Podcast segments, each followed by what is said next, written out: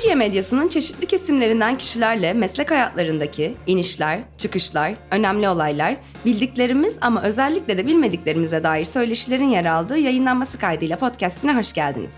Ben Azal Sipahi. Yayınlanması kaydıylanın bu bölümündeki konuğum gazeteci ve haber sunucusu Özlem Gürses. Özlem Gürses, Orta Doğu Teknik Üniversitesi Mimarlık Bölümü mezunu. Mesleğe 1996 yılında ATV Haber Merkezi'nde muhabir olarak başladı. Star TV'de gece hattı ve kırmızı koltuk programlarını sundu.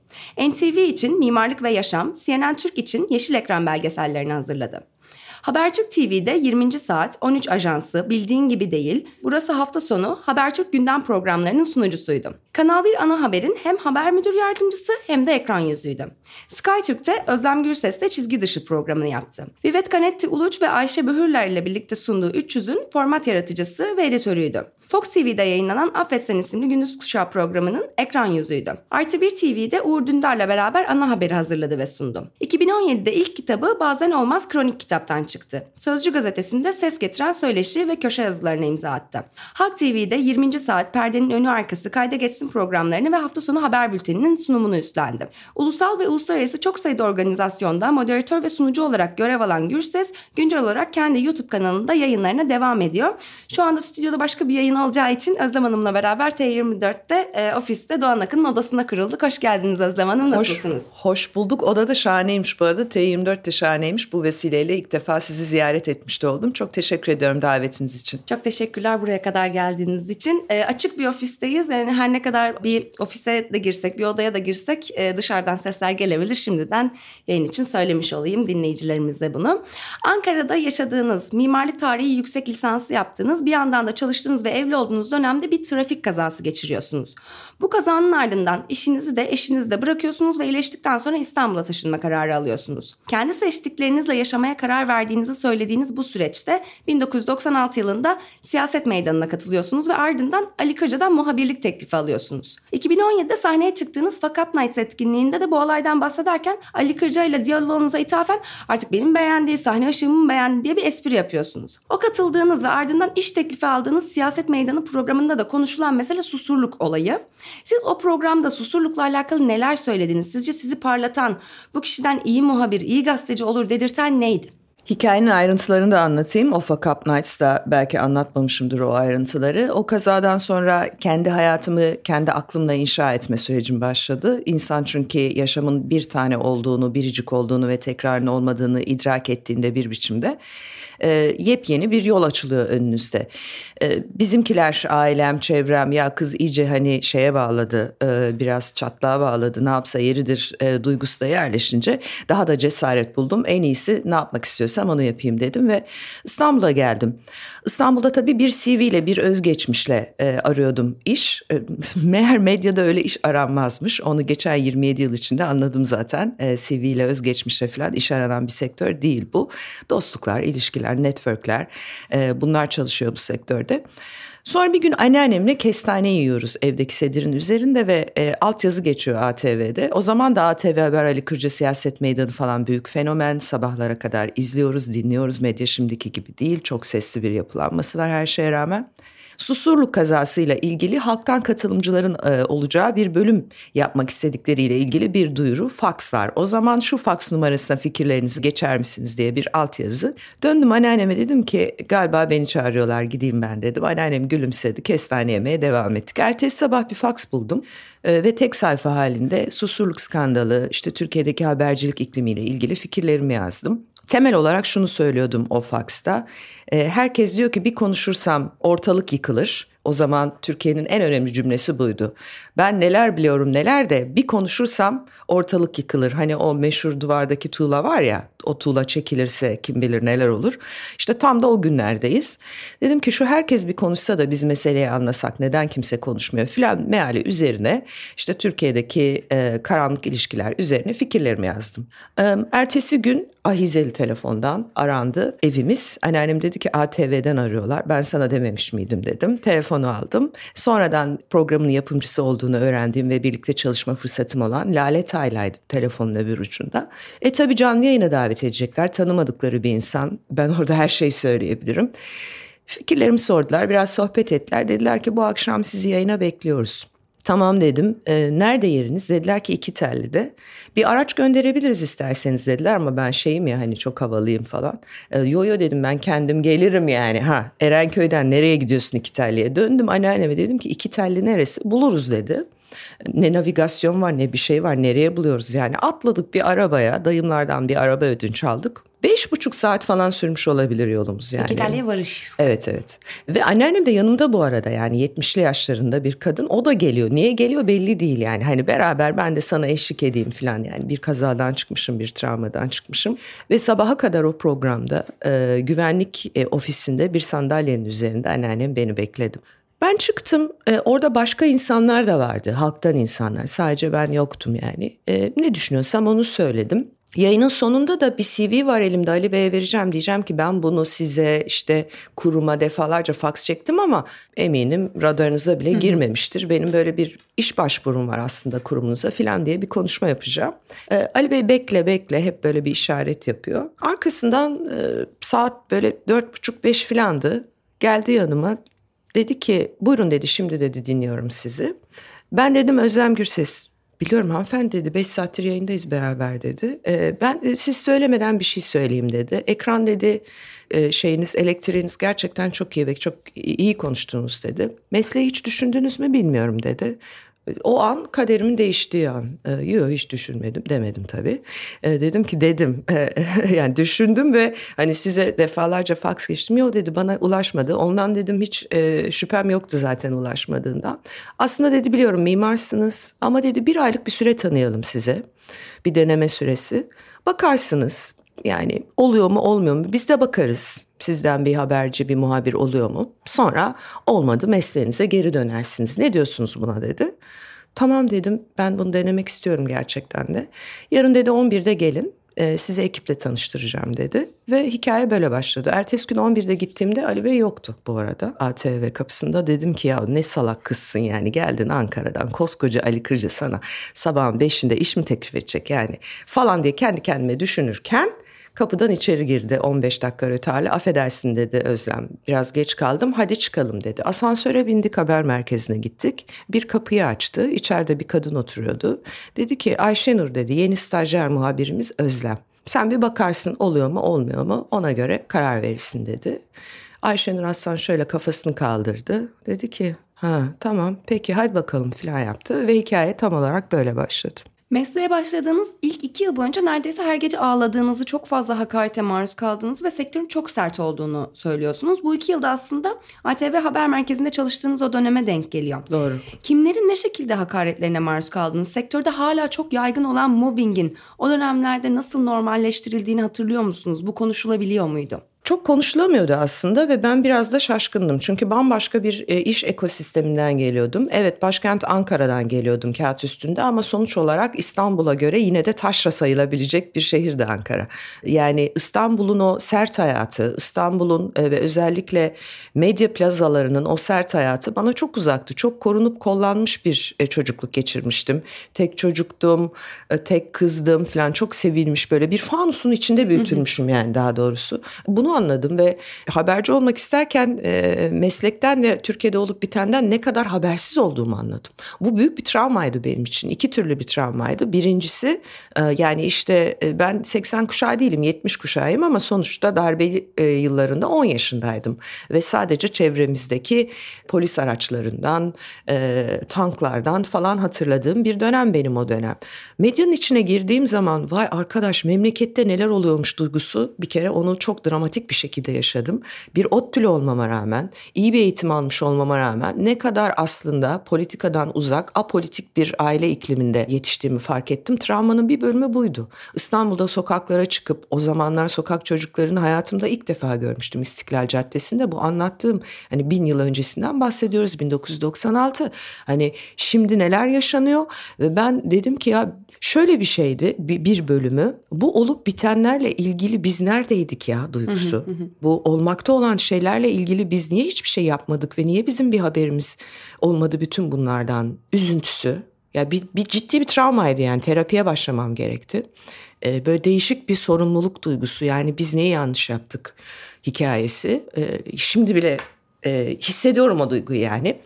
Öyle söyleyeyim. İkincisi de tabii sektörün çok sert e, hali. Yani ben e, gerçekten de e, o dönemde sadece işimle ilgiliydim. Hiçbir zaman bu kulis, dedikodu, kumpas gruplarının içinde olmayı istemedim. Tercih de etmedim. Fakat fark ettim ki hakkımda bin tane tevatür yürümüş meğerse. Vay bu kızı kim işe aldı, nasıl işe aldı, öyle mi oldu, böyle mi oldu?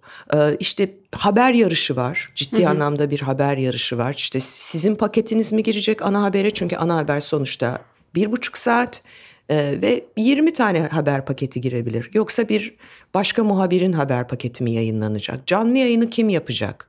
İşte ekrana kim çıkacak filan gibi. Çok acayip kanlı bir e, rekabet düzeninin olduğunu fark ettim. Sonra insanlar, meslektaşlarım, o haber merkezindeki bazı muhabirler gelip benden ya biz senin hakkında neler konuştuk inanamazsın. Çok özür dileriz filan dediler bana yani. Helalleşmeye. Yani bunları yaşadım. Hı hı. Ee, bunları yaşadım. Yöneticilerimden de bunları duydum. Öyle şeyler yaşadım. Ve şaşırdım yani ama sonra anladım ki İstanbul'la ilgili biraz da. Biraz evet sektörümüzün gerçekleri ama Ankara'da farklı mesela çalışma ortamı dediğin şey. Çünkü Ankara'da zaten rekabetin eni sonu başı sonu ne olabilir ki yani? Benzer işlerden benzer paraları kazandığın bir kentten söz ediyoruz. İstanbul öyle değil. Onu fark ettiğimde günün sonunda kendimi e, terapi koltuğunda buldum. Yani gazetecilerin işte atıyorum köşe yazarlarının vesaire birbirleriyle çok atıştığını, birbirlerine böyle bayağı e, sert sözler belki de hakaretler ettiğini görürüz. Ama siz muhabirken mesela daha nasıl oluyordu o meslektaşlarınızla olan çatışmalarınız? Şöyle şeyler oluyordu. Ben çatışma pek yaşamıyordum. Hı hı. Şundan dolayı yaşamıyordum. Çünkü o kadar kendi halinde bir kişi olarak varlığımı sürdürüyordum ki ama şöyle şeyler oluyordu. Mesela bir haber bana verilmek istendiğinde ya da bir canlı yayın için benim ismim geçtiğinde e, oradaki diğer meslektaşlar bununla ilgili gereğini yapıyorlardı. Yani hı hı. yakın oldukları, arkadaşlık e, yaptıkları, akşamları birlikte istiklalde şurada burada sosyalleştikleri yöneticilere gidip e, işte ya bu özlemi de çok parlatmıyor muyuz yani bu kız da geldi ama filan. Yani bu konuşmalar oluyordu. E, bunların hepsinin farkındaydım hiç bireysel böyle karşılıklı bir çatışma yaşamadım ama şunu yaşadım yani önümün kesilmeye çalışıldığını hı hı. E, yaşadım. Ağır mobbing yaşadım. E, benimle dalga geçildi işte ay taşralı böyle demiş dünyadan haberi yok salak bu kız falan bütün yani bunların hepsini yaşadım yani ama galiba bir tek ben yaşamadım birçok arkadaşımız meslektaşımız bunları yaşıyor zaten. Evet evet maalesef. Türkiye'deki medya sahipliğinin 80'li yıllardan itibaren gazeteci ve yayıncı ailelerden iş insanlarına doğru bir geçiş yaptığını görüyoruz. Siz mesleğe Yeni Asır gazetesinin eski sahiplerinden gazeteci ailelerin medya kuruluşlarına örnek olabilecek Dinç Bilgi'nin ATV'sinde başlıyorsunuz. Ardından o zamanlar iş insanı Cem Uzan'ın sahip olduğu Star TV'ye geçiyorsunuz. Henüz kariyerinizin başında medya sahipliğindeki bu değişim sürecini de aslında bizzat yaşamış oluyorsunuz. ATV ve Star TV'deki belirgin yönetim farklılıklarını ve bunların haberciliğe etkisini ve müdahalesini nasıl deneyimlediniz? Bir kere bizim geçiş hikayemiz baştan başa e, bir hakikaten haber konusu diyebilirim. Dinç Bilgin bankacılık krizinin içerisinde ciddi bir iflas sürecine girdi ve aslında son derece düzenli bir şekilde maaşlarımız ödenirken bütün bu çatışmalar, mobbing, travmalar ikliminde bile olsa işimizi hiç değilse düzenli bir şekilde yapabilirken gün geldi artık maaşlarımızı alamaz olduk ve ciddi bir huzursuzluk başladı. Bu bir süre devam etti ve en nihayetinde Ayşenur Aslan ve Ali Kırca bütün haber merkezini toplayarak bir toplantı yaptılar. Bunu Ayşenur Hasan yazdı zannedersem birçok yerde de anlatılmıştır. Haber merkezindeki herkes vardı o toplantıda. Çünkü bizim haber merkezimiz o kafayla yönetilen bir haber merkeziydi. Yani editöründen kameramanına, montajcısından teknik ekibine herkes o toplantıdaydı. Ve dediler ki bize Ali Bey anlattı Ayşenur Hanım'ın da katkılarıyla Star TV'den ve Uzan medyasından bir teklif var. Bir süre daha ATV'de bu sıkıntılar yaşanacak maddi ve manevi olarak. Bu teklifle ilgili ne düşündüğümüzü sordular. Gidelim mi kalalım mı? Bir oylama yapıldı. Herkes fikirlerini açıkça ifade etti. Mete Çubukçu falan da vardı tabii. Mete de aynı şeyleri söyledi. Hepimiz de aynı şeyleri söyledik. Biz dedik ki biz gazeteci bir patronla yola devam etmek istiyoruz ve o zamanlarda Uzan ailesi ve Uzan İmparatorluğu'yla ilgili neler anlatılıyor, neler tabii sektörde. Burada kalmaya devam etmek istiyoruz bir süre daha diye bir karar çıktı. Bunu biz cuma günü konuştuk yayından sonra. Pazar sabahı Ali Bey bir telefon açtı cep telefonuma. Dedi ki e, yarın Star Haber'de işe başlıyoruz. Anlamadım dedim ben. E, Birçok arkadaşımız da bu telefonu aldı. E, ben senin bizimle gelmeni istiyorum. Benim teklifim budur. Aynı maaşla geçeceksin ama düzenli bir e, ödeme yapılmaya devam edecek. Tabii eğer ATV'de kalmaya istersen, bunu tercih edersen de o senin fikrin. Yarın sabah eğer Star Haber'deysen bizimle beraber Star'a gelmişsin demektir. Gelmediysen ATV'de ona devam edeceksin demektir. E, böyle anlayacağım dedi ve telefonu kapattı. Ben tabii şok yani cuma akşamı o toplantıdan çıkmışız bir karar verilmiş ve oylar pazar kullanılmış. oylar kullanılmış ve pazar sabahı başka bir senaryo. Ayşenur Hanım'ı aradım dedim ya nedir dedi işte böyle yani bir bir anda karar değişti ee, koşullar değişti daha iyi koşulların olacağı sözüyle ve düzenli ödemeler sözüyle Star'a geçiliyor. Sen nasıl karar verirsen. Telefonu kapattım. Ertesi gün uyandım. Her zamanki gibi işe gitmek üzere arabama bindim ve kaza yaptım. Aha geçmiş olsun. Gitmek istemedim galiba ben o kanala. Yani çünkü kazadan sonraki anı hatırlıyorum. Ee, tıpkı işte o seneler önce geçirdiğim yaptığım kaza gibi O da galiba. öyle büyük bir kaza mıydı? O ilki çok büyüktü, ikincisi değildi ama yani Bağdat Caddesi'nde bir direğe çarptım ve yani gidemez haldeydi araba. Ülker vardı o zaman Ülker Pınarbaşı haber müdürü onu aradım. Dedim ki ya ben e, bu ilk toplantıya gelemiyorum. Nasıl ya falan dedi. Dedim ki ya kaza yaptım. Tutanak mutanak bu iş uzun. İyi peki o zaman yarın gelirsin dedi. Telefonu kapattım. Arabayı sağa çektim. Bir kafeye oturdum. Kendime bir kahve söyledim. E, ve dedim ki oh iyi ki gitmedim. Ama ertesi gün gittim tabii. Ee, yani benim için hepimiz için o da bir travmaydı. Yepyeni bir dünya ve yepyeni bir karardı. İkisinin arasında ne fark vardı? Bugün anlıyorum ki hiçbir fark yokmuş. Bütün patronlar günün sonunda kapitalistmiş yani aslında. Patron patrondur oluyor Evet. günün sonunda. Aynen öyle. Peki 2002 yılında sizin de çalıştığınız Star TV'nin sahibi Cem Uzan Genç Parti ile genel seçimlere katıldığında bu seçim kampanyası sürecinde kanalın haber merkezinde neler oluyordu? Yani e, bu kadar da gazetecilik değil seçim propagandasıdır dediğiniz taleplerle karşılaştınız mı bu süreçte? E tabii karşılaştık. Yani bir kere zaten bütün bülten neredeyse böyle bir e, anlayışla kurgulanıyordu. Bunun içine tabii ki biz kendi haberimizi de koymaya çalışıyorduk ama mutlaka her bültende Cem Uzan'ın ve Genç Parti'nin hayli genişçe bir paketini yapmak e, durumundaydık ve yapıyorduk da zaten. Sadece biz değil kanalın genelinde böyle bir durum vardı.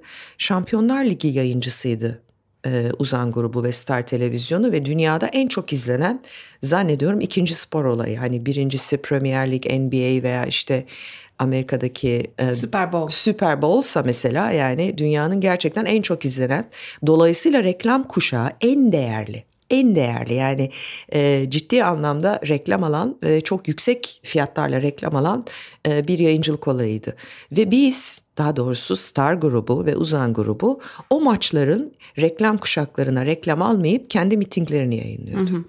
Yani neden vazgeçtiklerini anlamanız açısından bunu ifade ediyorum. Tabii ki yani kanalın çizgisi bu olduktan sonra haber merkezindeki talepleri de tahmin edebiliyorsunuz. Aynı dönemlerde bir de e, Uzan medyası ve Doğan medyası arasında bir çatışma devam ediyordu. Ha bütün bunlar yaşanırken bu arada pazar sabahı bizi arayıp yarın Uzan grubuna Star'a başlıyoruz yani Ali Kırca çoktan gitmiş. Aralarındaki anlaşma çoktan feshedilmiş ve biz Ayşenur Aslan ve e, o transferin içinde bulunan 40 kişi bir başımıza zaten orada kalmıştık. 2002'nin Kasım ayında Can Ataklı ile beraber Kırmızı Koltuk programını sunmaya başlıyorsunuz Star'da. yine Star'da.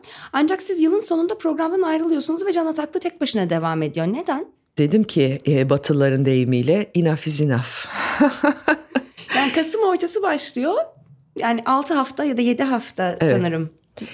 Hamileydim. Ee, ikinci kez evlenme cesaretini göstermiştim o süreçte ve bir bebek bekliyordum. Bu özellikle genç parti döneminde zaten hamileydim. Bunu da biliyorlardı bütün çalışma arkadaşlarım ve yöneticilerim. Ee, ve bir annelik doğum iznine ayrılmak e, üzereydim. Tabii bütün bunları yaşadıktan sonra yani e, işte geliyorsunuz kafanızda bir medya diye bir şey var. E, işte böyle haberciler diye böyle kafanızda efsane imgeler yaratmışsınız. Önce ATV'deki o mobbing ortamına giriyorsunuz. Sonra işte bankacılık krizi, patronların bankaları hortumladığı bir döneme tanık oluyorsunuz. Sonra kendinizi birdenbire bir başka medya grubunun içinde buluyorsunuz. Derken o medya grubunun sahibi bir siyasi parti kurmaya karar veriyor falan. Dedim ki ya bir dakika ya hani tam olarak istediğim bu muydu acaba? Yani benim gazetecilikten e, beklentim, e, ne bileyim ben televizyondan beklentim böyle bir şey miydi? Yani ikinci bir şey kendi kendine hesaplaşma süreci diyebilirim. Ve bütün bunları yaparken tabii başka bir hayalimi de erteliyordum sürekli. O da anne olmaktı. Bir kadın olarak anne olmayı seçmiş bir kadınım. Bunu çok istedim. Çünkü başka kadınlar mesela tersini seçebilir. Hür bir karardır bu. Ben gerçekten bile isteye ve çok e, bunu arzu ederek hayalini kurarak anne olmak istiyordum. Dedim ki herhalde belki de evrenin bana bir mesajıdır. Hani doğru zaman budur. Ve en nihayetinde doğum izninden dönmedim. Dönmeyeceğimi de bildirdim. Cana Taklı'yla bir arada kırmızı koltuk yapmamız da şöyle Ali Kırca gittikten sonra ana haberi sunacak biri lazımdı. Ve hemen lazımdı yani çünkü şöyle hani diyelim ki pazar günü gittiyse Ali Kırca pazartesi günü ana haber var Hı-hı. ve biri lazım yani. Ee, Can abi o sıralarda Kanal 6'daydı. Ee, Ayşenur Hasan onu transfer etti ana habere. Dedi ki hemen gel ve ana haberi sana emanet ediyoruz. Ee, böylece başladı kırmızı koltuk maceramda. Ve ben içimden gelmediği için dönmedim. Anladım. Daha sonrasında Habertürk'le ekranlara geri dönüyorsunuz. Evet dön. Ufuk Güldemir'in bir telefonuyla. Evet yıllar içerisinde kanal için pek çok program hazırlayıp sunuyorsunuz. Habertürk'teki 13 Ajansı programınızda 2007 Türkiye genel seçimlerini değerlendirirken CHP'den Onur Öymen yayına bağlanıyor. Öymen'le AKP ve CHP arasında açılan oy oranını değerlendiriyorsunuz telefonda. Öymen AKP'nin seçim kampanyasında dini kullandığını söylüyor. Siz de bunun üzerine CHP'de laikliği kullanmadı mı diye bir soru yöneltiyorsunuz. Ardından gazeteci Özdemir İnce işinize son verilmesi gerektiğiyle alakalı bir yazı yazıyor.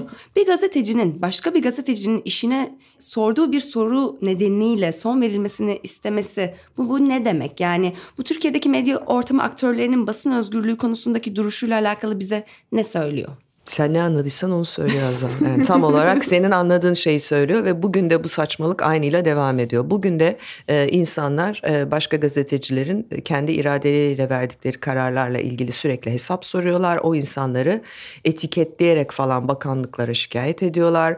E, işte efendim atılmaları gerektiğiyle ilgili yazılar yazıyorlar falan. Bugün de aynı kafa devam ediyor. Ben soruyu sorarken bunun böyle bir krize yol açacağını hiç düşünmemiştim biliyor musun? Çünkü ben sorularımı sadece şu nedenle soruyorum soruyorum. Merak ettiğim için hı hı. soruyorum. Ve kafamda hiçbir ön kabul. Yani mesela benim medya ortamında çok şaşırdığım şeylerden biri de bu oldu. Gazetecilik mesleğinin içinde ilerlerken bir türlü aklımın almadığı şey şu oldu. Anladım ki birçok gazeteci meslektaşımız sorularını bir siyasi strateji çerçevesinde soruyor. Hı hı. Ve bu beni çok şaşırttı. Yani Şöyle her e, mahallede klikler var ve her gazeteci kendini bir kliğin içinde bir yer bulmaya çalışıyor. Bunun iki sebebi olabilir. Bir, gazeteciler kendilerini maddi manevi güvende hissetmiyorlar bu ülkede ki öyle. Yani hele bugün e, bir e, sabaha karşı kapınızın çalınıp yazdığınız ya da sorduğunuz bir şeyden dolayı kendinizi bir e, hücrede bulmayacağınızın hiçbir garantisi yok. Dolayısıyla evet güvende değiliz. İkincisi çalışma şartlarımız korkunç. Büyük bir emek sömürüsü var bu sektörde ve en böyle emekten yana gözüken gruplar da başta olmak üzere bu aynıyla devam ediyor gerçekten gazetecilerin çalışma şartları korkunç. Televizyonda da bu aynı. Şöhretli insanlar e, bambaşka paralar alırken onlara o şöhreti getiren ekipler insan onuruna aykırı şekilde çalıştırılmaya devam ediyor. Turnover dediğimiz insan tüketme meselesi bir facia. Hiçbir şekilde gazeteciye, muhabire yatırım yapılmıyor. Korkunç bir sektör bu. Şimdi belki de bu yüzden gazeteciler kendilerini bir klikte güven altına almaya çalışıyorlar. Sorularını da o akılla sorduklarını fark ettim ben. Ben mesela öyle sormuyorum. Ben dan diye soruyorum Hı-hı. yani. Hani gerçekten neyi merak ediyorsam ve neyi bilmesi gerektiğini düşünüyorsam kamuoyunun onu soruyorum. Ve o soruyu da öyle sordum. E iyi de kardeşim hani bu böyle de bu da böyle değil mi? Hı-hı. Ve normalde de cevaplanması gereken bir soru. Ve ertesi gün bu yazıyı okuduğumda şok geçirdim. İlk trollendiğim e, dönem budur herhalde. Yani sonuçta bu da bir troll yazısıdır aslına bakarsan. Evet evet. Yani bir hedef gösterme de var. E, ne yapılacağını söyleme. Hatta yani tetikçilik gibi bir şey var aslında. Aynen. Oradaki. Trollde o değil midir zaten işte tetikçilik. Yani buradan sizin de aslında belli bir medya mahallesine ait hissetmediğiniz sonucunu Hiç hissetmiyorum. Bir medya mahallesine değil aynı zamanda bir siyasi kleye de ait hissetmiyorum. Ben kendimi sadece hayata ve mesleğime ait hissediyorum. Ee, oğluma ait hissediyorum. Ee, tabii ki bir seçmenim. Ee, günün sonunda gidiyorum. Bir adet oyum var. O oyumu her seferinde kullanıyorum. Benim de fikirlerim var ama kimsenin benim fikirlerimi merak ettiğini zannetmiyorum. Gazetecilik benim fikirlerim sabah akşam insanlara anlattığım değil. Başkalarının e, yapıp ettiklerinin gerçekliğini kamuoyuna aktarmakla ilgili bir kolaylaştırıcılık bu kadar. Ve biliyor musun çok böyle muazzam bir işte yapmıyoruz onu da söyleyeyim yani. Sen hani Türkiye'de böyle hormonlu şöhretler sahibi olduk hepimiz ve çok acayip bir tuhaf geliyor bana bu. Biraz e, sıradan bir zekanın üzerinde vicdanlı herhangi birinin yapabileceği bir işi yapıyoruz aslında bakarsan. Yani haberciliğin kutsallaştırılmasından mı bahsediyorsunuz? Hem kutsallaştır... Yoksa süperstarlaştırıl... İkisinden de aynı anda bahsediyorum. Hem haberciliğin kutsallaştırılmasından hem de ekranlardaki bazı kişilerin süperstarlaştırılmasından bahsediyorum. Dünyanın hiçbir yerinde gazeteciler böylesine hormonlu şöhretler sahibi değiller. Yani bazı arkadaşlarımız sokağa çıktığında yürüyemez haldeler. Gazetecilik bununla ilgili bir iş değil. Yani gazetecilik böyle bir iş değil. Ee, ve bunun bu kadar kutsallaştırılması Türkiye'nin çok acayip bir dönemden geçiyor olmasından kaynaklanıyor. O kadar yapılamıyor ki mesleğimiz. Bir tık yapabildiğiniz zaman böyle muazzam bir e, hero'ya, böyle bir hı hı. anti kahramana falan dönüşüyorsunuz yani.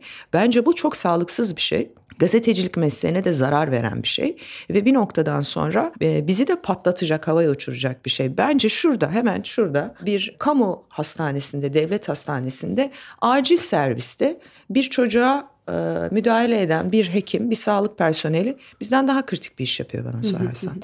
Ama onlar ortada yoklar yani. Hem de o biçim şiddetlere maruz kaldıkları ile alakalı neler dinliyoruz, duyuyoruz. 2008 yılının ortalarında Habertürk'ün de sahibi olan Ciner Grup tarafından satın alınmasının üstünden bir yıl geçmeden sizi Kanal 1 ekranlarında ana haber bülteni sunucusu olarak görüyoruz. Hem hafta içi hem de hafta sonu mu sunuyordunuz Haftada haber bülteni? Haftada 7 gün sunuyordum. Bu ne kadar süre böyle devam etti? Bayağı. Aylarca. Evet. Yani buradan peki bir hani turnover değil de bir burnout'a nasıl ya Ben her hafta soruyordum. Kendinizi? Hani diyordum ki e, bir hafta sonu sunucusu spikeri arkadaşımız işe başlayacak mı? Hayır Özlem Hanım sizinle devam ediyoruz diyorlardı. Allah Allah yani çok ilginç geliyordu bana bu. Ama yani ben de demek ki hayır dememişim buna yani Hı-hı. ne bileyim masaya yumruğumu vurmamışım. Pek öyle bir karakter değilim zaten. Masaya yumruğunu vuran değil daha çok tamam arkadaşlar o zaman hadi size iyi günler deyip e, giden bir karakterim ben.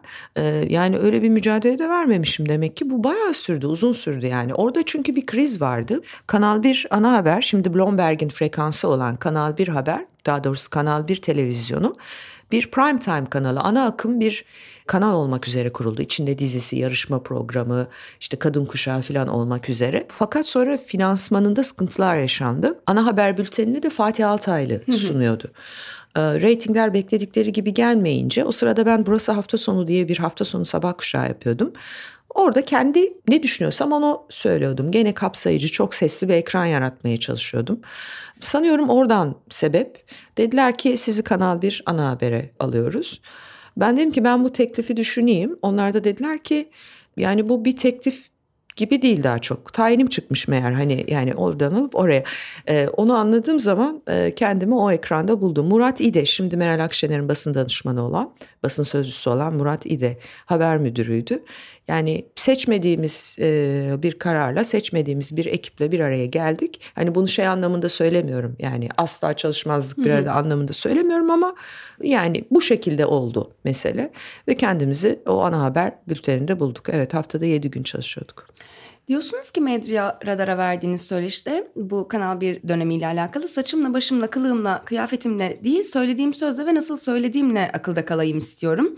Bir çift göğüs ve kirpikten fazla bir şeyim diyorsunuz ve Kanal 1 ana haber bültenini sunduğunuz ilk akşam bir önceki anchor olan Fatih Altaylı'yı geride bırakıyorsunuz. Size bir çift meme ve kirpikten oluşan görüntüden ibaret muamelesi yapan kişiler kimlerdi? Seyirci mi, çalışma arkadaşlarınız mı, yöneticiler mi, patronlar mı? Bu bakış açısıyla mücadele şekilleriniz 25 yılı aşkın habercilik kariyerinizde nasıl bir seyir izledi? Şimdi ben zaten böyle giyinmeyi falan bilen bir insan değilim. Çok ilgi alanıma da girmedi aslına bakarsan. Ee, üniversitede de e, böyleydim. Hatta o kadar ki annem bir gün geldi ve dedi ki seni yarın itibariyle bir kursa yazdırdım. Leydi okulunda falan. Evet aynen. evet evet gerçekten. Ee, sürekli babanın mavi kazağını giyiyorsun üniversitede ve aynı kotu giyiyorsun. Tabii ki yıkanıyor bunlar yani sanmayın ki böyle yani o temizlik konusunda e, sapık derecesinde şeyimdir. E, ama yani evet hani bir kot, tişört ve kazakla yaşayan bir kız çocuğuydum ben sonuçta. Dedi ki seni dedi bir mankenlik ve zarafet okuluna yazdırdım dedi. Yarından itibaren buraya gideceksin. Anne şaka yapıyorsun herhalde dedim. E, ve ben gittim o okula. Neyse yani bu böyle hani saçma sapan bir hikaye. E, iyi derece dereceyle mezun olup sonra okulda asistan falan oldum. Ek iş yaptım. Valla valla evet. Demek ki benim de böyle bir açılmam ihtiyacım varmış acaba. E, bu mesele tabii şeyde de devam etti. Muhabirlik hayatımda da devam etti. Yani ekranda canlı yayın yapıyorsun. işte bir anons çekiyorsun falan. Ne giyeceksin hani yani böyle bir büyük bir sorun benim için bu. E, ve çok saçma geliyor bana bunun bir sorun olması falan. Hatta bir gün Ali Kırca'nın öyle bir şeyi var. Bir gün geldi bir haber yazıyorum. Bir şey soracağım sana dedi. Dedim efendim dedim. Ya dedi sen eli yüzü düzgün bir kız çocuğusun. Niye kendini sürekli ekranda çirkinleştirmek için elinden gelmiyor? Hala babam konfeksiyondan giyiniyorsun. öyle demedi ama yani ve aslında sorduğu şey gerçekten de doğru bir şeydi. Çünkü ben hakikaten kendimi çirkinleştirmek için uğraşıyordum o zaman. Yani çok güzelim anlamında söylemiyorum ama meseleyi başka bir yerde olmasını istiyordum. Sonra ama tam tersi oldu Azal onu da söyleyeyim. 40'lı yaşlardan sonra şöyle bir duygu da geldi. Ya ben de bir kadınım ya. Aa kırmızı rujumu da sürerim, eteğimi de giyerim. Size ne kardeşim falan. O kafada geliyor bir noktadan sonra. Onu da söyleyeyim yani 40'lardan sonra falan. Yani hayatında oje sürmemiş insan 40'lardan sonra manikür yaptırıp oje sürmeye falan başladım. Hayatında takı takmamış insan yüzük takmaya başladım falan. Hani bu da oluyor. Hani tersi de e, yaşanıyor anlamında söylüyorum. E, o dönemde de beni aldılar bir helikopter, ana haber imaj çalışması diye bir şey vardı. Çok popülerdi. Evet evet hatırlıyorum. Ee, yeni bir imajla dönüyordu insanlar. Yeni bir albüm, yeni bir imaj oluyordu bir şeyler. Kıyafetler yapılıyor, saçlar taranıyor, bir kuaför geliyor işte size diyor saçınız öyle olmasın da böyle olsun falan ve Uğur İçbak bu organize işlerin helikopter sahnelerini çeken muazzam bir görüntü yönetmenidir. O zamanlar böyle drone drone yok. Bildiğin helikopter kamerasıyla çekiliyor. Beni aldılar. E, Habertürk'ün terasına çıkarttılar. O, o zaman işte bana kılık kıyafetler yapıldı, saçlar tasarlandı. Bir ayakkabı giydirdiler, iki kişi elimden tutuyor. İzledim o e, şeyi izlemişsindir. Yani o ayakkabının üzerinde benim 10 saniye durma ihtimalim yok. Zaten kaza geçirmişim bir bacağım diğerinden kısa falan yani mümkün değil benim öyle bir ayakkabı giymem. İki kişi elimden tutuyor ve son anda bırakıyorlar mesela hani tam video kayda gireceğimiz zaman böyle bir tanıtım filmi çektik. Çok havalı oldu ama tak tak tak boğazdan geliyor ben terasın üstündeyim etrafımda dönüyor ana, ana haber şöyle böyle falan 8 ay sonra kanal kapandı. Ben hatta dedim ki aynı helikopteri çağırsak bizi alıp götürseler yani zira hani işsiz kaldık yine. Hı hı. Çok komik geliyor. O zaman demiştim ki ya böyle imajlar şeyler yapmasak Tam tersini yapsak. Bak seneler önce şöyle bir öneride bulunmuştum. Ben her akşam aynı kıyafetle çıksam ana habere. Sadece bana özel tasarlanmış birine gidelim böyle cool bir genç tasarımcı bulalım. Özlem Gürses'in ana haber kostümü diye bir şey tasarlatalım. Tek bir parça ve ben her akşam aynı parçayı giysem. Böyle bir durdular falan olur mu şey falan dediler. Takı sponsorları şeyler böyleydi yani o dönemde e, bu mesele. Yani itirazım bunaydı. Bunlarla enerji kaybetmesek de işimize baksak kafasıydı. Anladım. Bahsettiğiniz Kanal 1'in e, kapandığından yine 2009 yılında kanal kapanıyor ve Bloomberg TV olarak yayın hayatına devam ediyor aynı frekanstan. 2016'da Sözcü'ye Kanal 1'in PKK ve cemaat ilişkilerini ifşa ettiği için kapatılmak durumunda kaldığını yazıyorsunuz ve şu soruları soruyorsunuz. O tarihte haber merkezimizi elimizden kim aldı? Kanal 1 ana haber kapansın talimatını kim verdi ve Ciner Medya grubunda bu talimatı medya yöneticisi olarak kim uyguladı? O kişi hala o grupta çalışıyor mu? Bugün hala böyle düşünüyor musunuz ve bu sorularınız cevaplanabildi mi? Şöyle oldu. E, Ciner grubu e, bana 500 bin TL'lik tazminat davası açtı e, bu yazımdan dolayı. Hı hı. Tabii ki tazminat davası reddedildi. Bu soru işaretleri benim hala kafamda var bence bir yanıt bulamadı. Ama zaten hangi medya grubuyla ilgili bu ve benzeri e, soru işaretleri bir yanıt bulabildi ki? E, Murat İde o dönemin yöneticisi Murat İde'ydi. Asıl ondaki bilgi bendekinden daha fazladır hı hı. diye düşünüyorum. O da bu konuda bazı paylaşımlarda bulundu kendi sosyal medyasında. Ama olan şuydu yani biz onu net yaşadık. Yaptığımız bazı haberler e, rahatsızlık vermişti ve bir anda kanalımız yani haber merkezi kapatıldı. Hoş şöyle bir şey oldu haber merkezini kapatıp sonra Habertürk TV'ye bizi transfer ettiler tekrar ve orada ben ana haber sunmaya devam ettim. Ama o da zaten bir istifa süreciyle tamamlandı. Hı hı. Peki kanalın kapanışı nasıl oldu? Yani çat diye bir gün kanal yok muydu? Haberdar mıydınız? Şöyle söyleyeyim ben ana habere hazırlanıyordum gene her zamanki gibi. O zaman Medya Tava vardı şimdi bu Medya Radar'ın muadili diyeyim. Medya Tava hala var ama hani en çok medya dedikodusu Medya Tava'dan okunuyordu. Bir arkadaşım dedi ki ya sizin kanalı kapatmışlardı. Ben dedim ki saçmalama ya ana habere hazırlanıyorum ben. Sen dedi bir Medya Tava'yı aç istersen. Medya Tava'yı bir açtım ve oradan öğrendim ki kanal kapanmış evet. O akşam son ana habere çıkıyormuşum meğerse ben.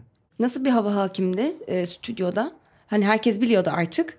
Sana haberi Yani hepimiz Onu... şok içerisindeydik tabii. Hani biri bize bunu söyleydi iyiydi falan duygusundaydık. Hani sonra ben Murat'a da söyledim. Yani Murat hani keşke sen de söyleseydin. Murat biliyormuş. Böyle yani hani böyledir medya diyorum ya yani bir gün genel yayın yönetmenisindir. Ertesi gün turnikeye gelirsin dijital kartını okutmak üzere ve turnike dönme, dönmez bile yani aynen öyle. 2009 yılında o zamanlar İstanbul Büyükşehir Belediye Başkanı olan Kadir Topbaş'ın evinde bir ya da başka bir yerde bir davete bir yemeğe katıldınız ve Topbaş'ın size Beykoz Belediye Başkanlığı'na aday olmanızı istediği iddia ediliyor. Bu iddia doğru mu? Doğru. Ee, Allah rahmet eylesin Kadir e, Bey. E, mimardı biliyorsunuz. E, ben de mimardım. Ee, ve o dönemde e, Mutlu Hanım, soyadını inan hatırlamıyorum ama AKP'nin önemli kadın karakterlerinden biriydi, destekçilerinden bir iş kadını. Evinde bir e, yemek verdi. Bu e, yerel seçimler dönemiydi. Kadir Bey'i bir grup gazeteciyle bir araya getirmek istediği bir yemek. E, beni de aradı bu davete katılır mısınız diye. Kalktım gittim. Önce işte şeyden bahsedildi hani Kadir Bey İstanbul, İstanbul nasıl olsa iyi olur, öyle mi olur, böyle mi olur filan. Daha öncesinde de Leyla Umar vesilesiyle bir iki kere Kadir Bey'le tanışmış. Böyle birkaç sohbet sofrasında bir arada olmuştuk. E, mimar olduğumu biliyordu, meslektaş olduğumuzu biliyordu falan böyle konuşmalar yapmıştık. E, yemek bitti. Ben de hani soruluyor orada hani bu bir çeşit bir lobi faaliyeti sayılabilir tabii. E, gazetecilere verilen bir yemek ama aynı zamanda da kapalı bir toplantı. Ee, fikirler soruldu. Ben de işte şehir bölge planlama okumuşum, mimarlık okumuşum. İşte şöyle mi olsa böyle mi olsa falan filan. Konuşmalar bitti. Ben pek içki de içen bir karakter değilim. Ben hani erkenden ayrılmak istedim. Dedim ki çok teşekkürler ben hani e, izin isteyeyim. Dediler ki sen biraz kalsana. Peki kalayım. Birkaç saat daha böyle oturuldu ve herkes gittikten sonra Kadir Bey dedi ki hiç aklımda yoktu dedi açık söylemek gerekirse. Fakat bugünkü dedi yemekte sohbetten sonra filan dedi birdenbire şöyle bir fikir geldi aklıma dedi. Biz dedi Beykoz'a bir belediye başkan adayı arıyoruz. Beykoz bizim için sorunlu bir ilçe bir türlü içimize sinen birini bulamıyoruz. Ee, ben dedi şimdi düşündüm ki dedi neden siz olmayasınız? Şehir bölge planlama formasyonunuz var işte mimarsınız falan. Anlamadım dedim bana AK Parti belediye başkan adaylığını mı teklif ediyorsunuz? Ben tabii şok yani hani hiç beklemediğim bir şey. Evet dedi ben ciddi almadım önce. Ya çok teşekkür ediyorum sağ olun ben hani siyaset falan hiç düşünmüyorum ilgilenmiyorum dedim. Kadir Bey dedi ki bu teklif çok ciddi bir teklif dedi. Yarın dedi Cumhurbaşkanı çıkacak, pardon Başbakan adaylarımızı açıklayacak ve bizim hala bir Beykoz adayımız yok.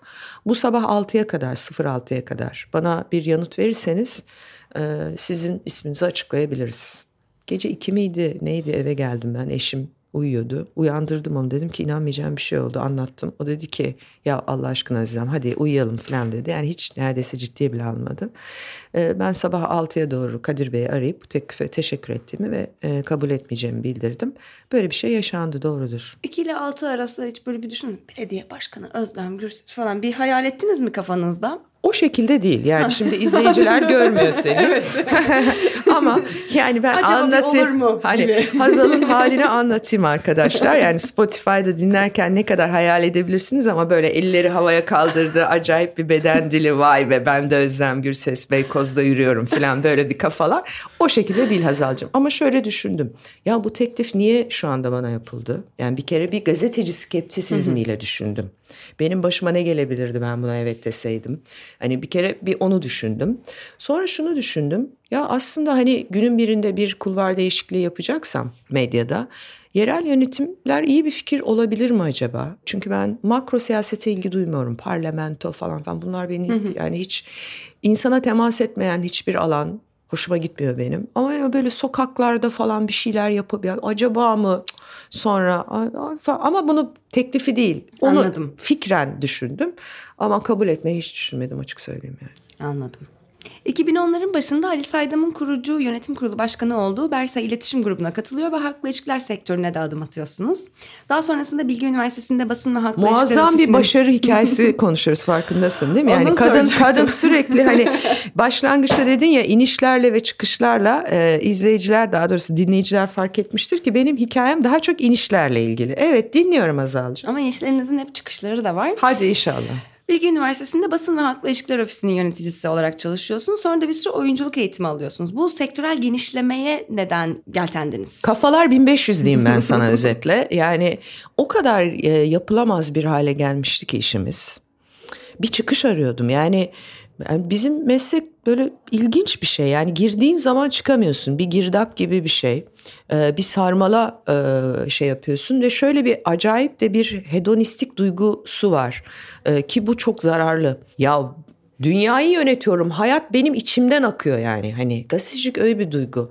Ee, zaman zaman yapmadığın zaman olayların içinde değilsen, gündemin içinde değilsen e, ben mesela öyle zaman zaman işsiz kaldığım, istifa ettiğim dönemlerde etrafımdaki insanların ve sayısı hiç az olmayan insanların hiç haber okumadığını, gazete okumadığını, televizyon seyretmediğini falan fark ettiğimde şok geçirmiştim. Çünkü biz mesleğin içindeyken şöyle bir duygudayız. Ya herkes her şeyi merak ediyor zaten. Yok hiç öyle bir duygu, öyle bir dünya yok yani milyonlarca insan bilmemeyi seçiyor ve büyük ihtimalle de senden benden çok daha mutlu ve huzurlu bir hayatın içinde yaşıyor.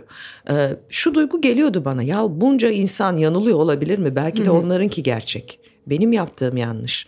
Bir çıkış arıyordum yani meslek yapılamaz bir haldeyken gene mutlu olacağım, zevkle yapabileceğim bir yer, bir kulvar, bir şey bulabilir miyim kendime? Ee, yani hepsini denedim, hiçbirinde başarılı olamadım. Başarısızlıklarınızdan olduğunu söylüyorsunuz oyunculuk ve halkla ilişkiler sektörüne el atışınızın. Ya Neden? zaten halkla ilişkiler sektöründe başarılı olmak nedir onu da ben bilmiyorum yani. Ben hani ilk defa o sektörde çalışmaya başladığımda müşteri diye bir şeyin varlığıyla karşılaştım. E, o güne kadar mesela Okur değil, izleyici değil, müşteri. müşteri diye bir şey hani müşteri yani habercilikte müşteri yok ya. Yani bizim işimizde müşteri diye bir kavram yok. Yani en azından yani bizim kafamızda yok. Tabii ki kanal yöneticisinin, patronun kafasında var da gazetecinin kafasında müşteri diye bir olgu yok. Ee, olmaması da lazım zaten.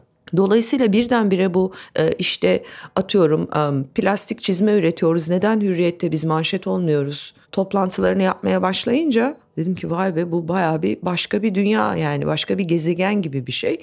Yani benim yapabileceğim bir şey değildi. Kıyafet kodu var, toplantı çağrısı geliyor falan. Yani hiç e, yani bir anda şunu fark ettim. Hayatı boyunca özel sektörde çalışmış biriyim ben.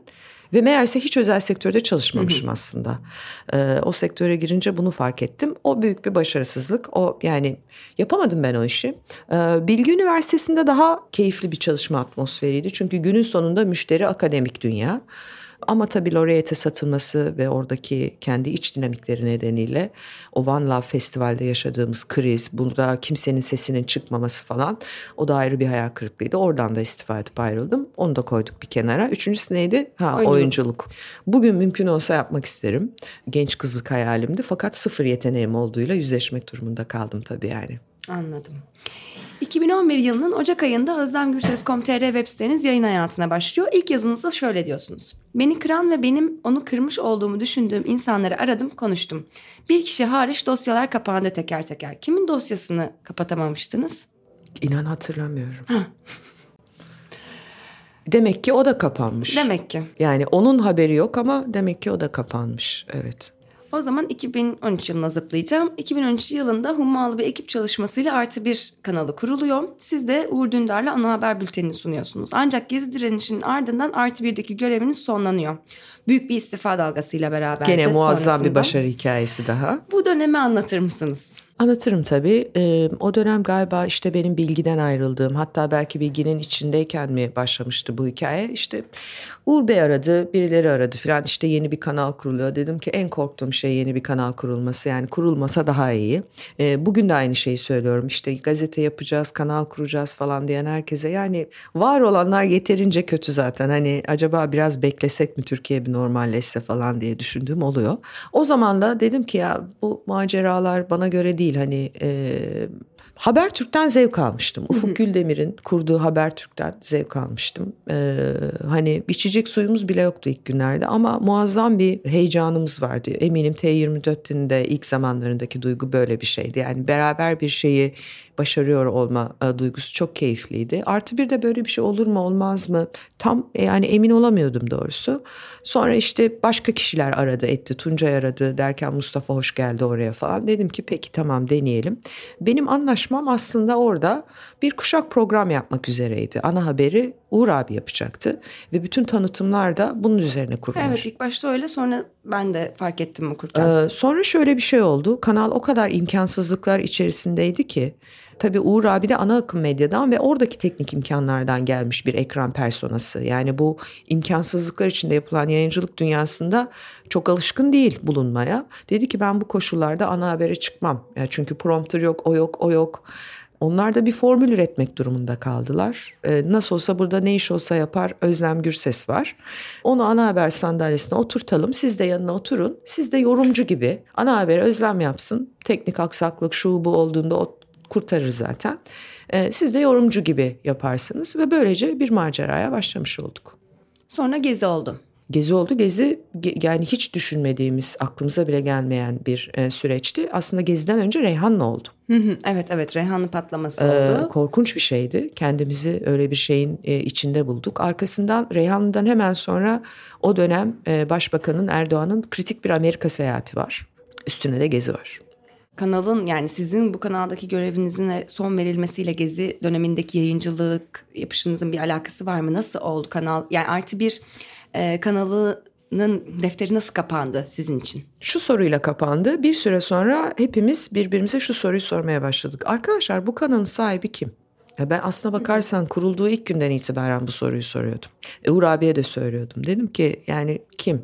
Bu zaten bugün bizi şu tartışmaya getiriyor. Medyanın finansmanı tartışmasına Hı. getiriyor. Medyayı kim finanse ediyor? Kim finanse ediyorsa düdüğü de o çalmak ister. Ve bir süre sonra onu hissetmeye başladık.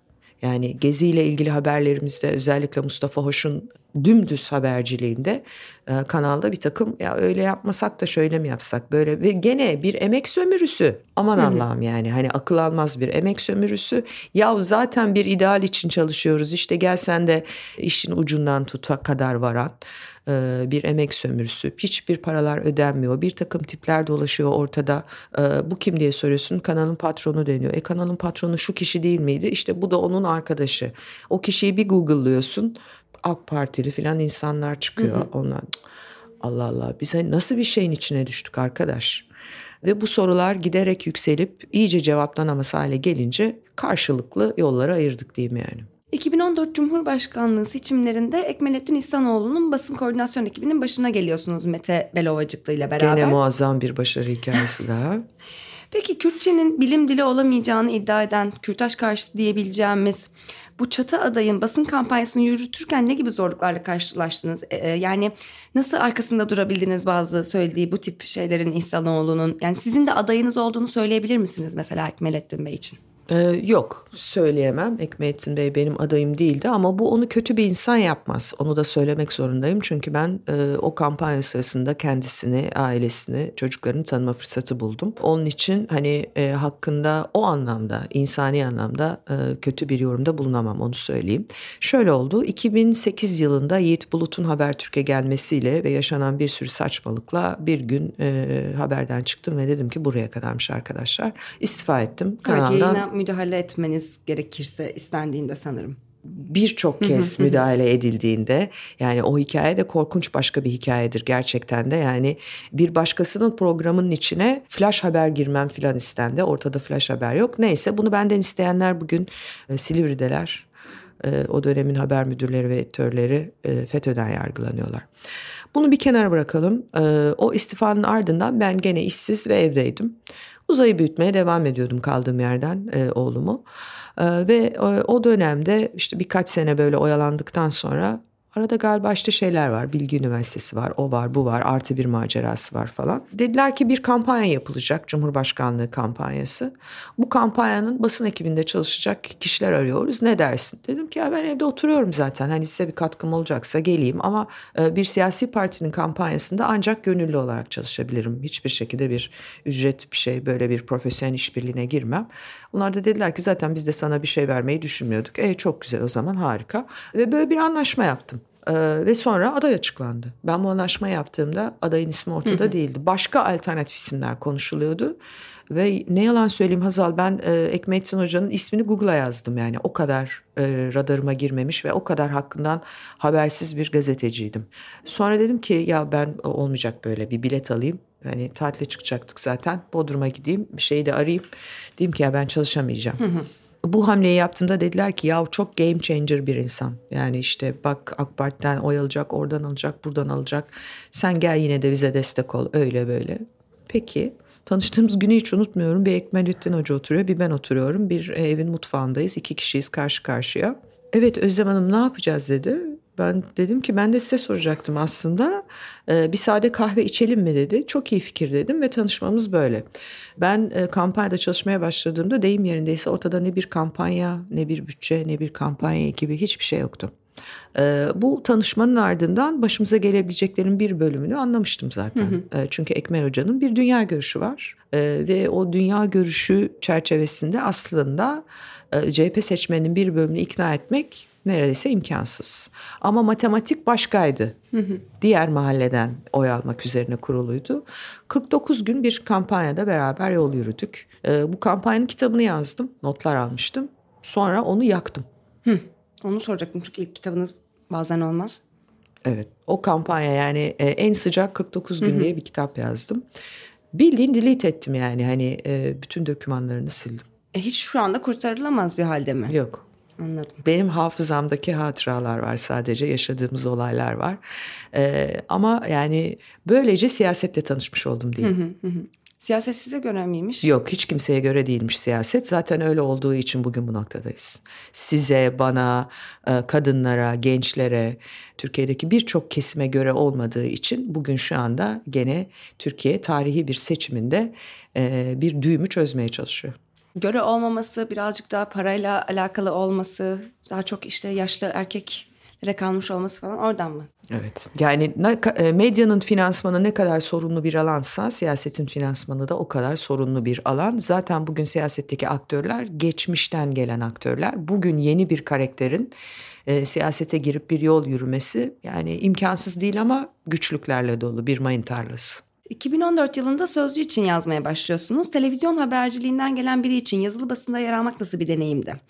Ee, sözcü sürecini ve e, ardından da kovuluşunuzu anlatır mısınız?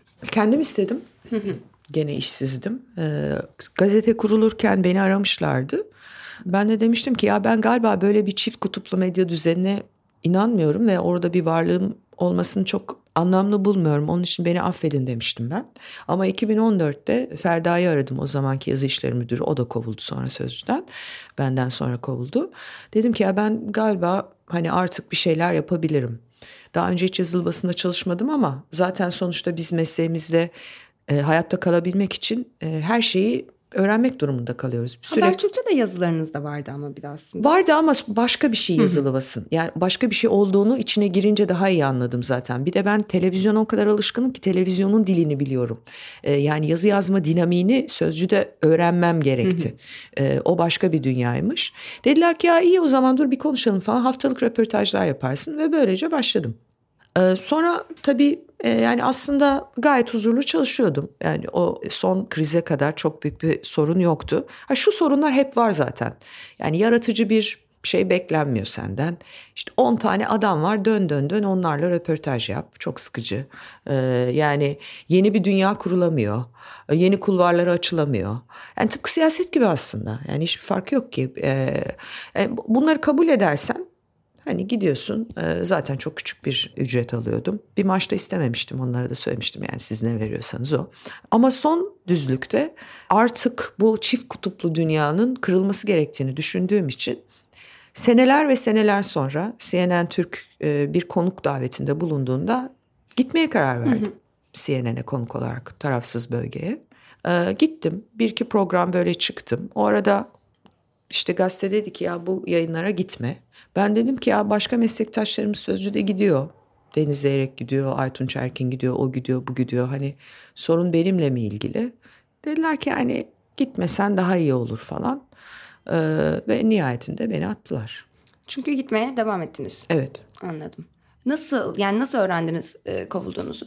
Şöyle öğrendim. Genellikle gazetenin genel merkezine tabii nadir gidebiliyordum. E, ayda 4-5 kere. Gittiğimde de mutlaka elimde bir, bir şeyle giderim yani. Hiç elim boş gitmek istemem. Ankaralı taş alışkanlığıdır bu Hazal. Çikolata falan gibi.